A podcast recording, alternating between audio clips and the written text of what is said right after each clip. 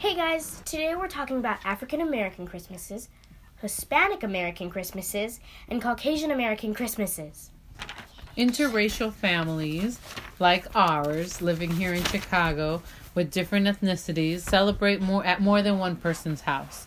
And so we're going to discuss the yummy food that we get to have in our traditions at Christmas time.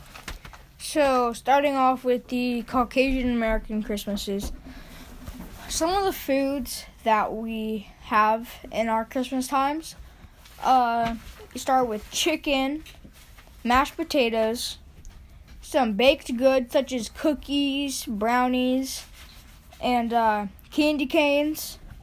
And my family doesn't really do this, uh, but eggnog, I don't really like it. Some people do.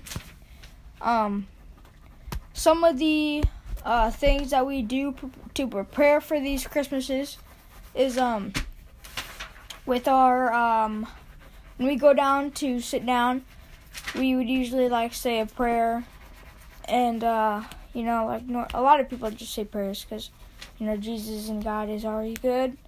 Um, we would eat our food, and mashed potatoes we used to come with gravy, and uh, now that was our uh, Caucasian American Christmases, um, which usually starts um, with just that. I'm sorry, I'm back. Next up, we'll be doing an African American Christmas. What we usually have is grandmas and aunts and mothers cooking those ribs, those juicy ribs with barbecue sauce and ham. And greens is like a almost like a soup, but it's not blended. It's a bunch of spinach and lettuce and such. Then there's dressing, which is absolutely one of my mother's favorites. And then cornbread, which all the kids go for because my grandma, she makes them like little cupcakes. They're so adorable and so delicious. So yeah, uh, we always love going to grandma's house for Christmas. Next up is the Hispanic American Christmas.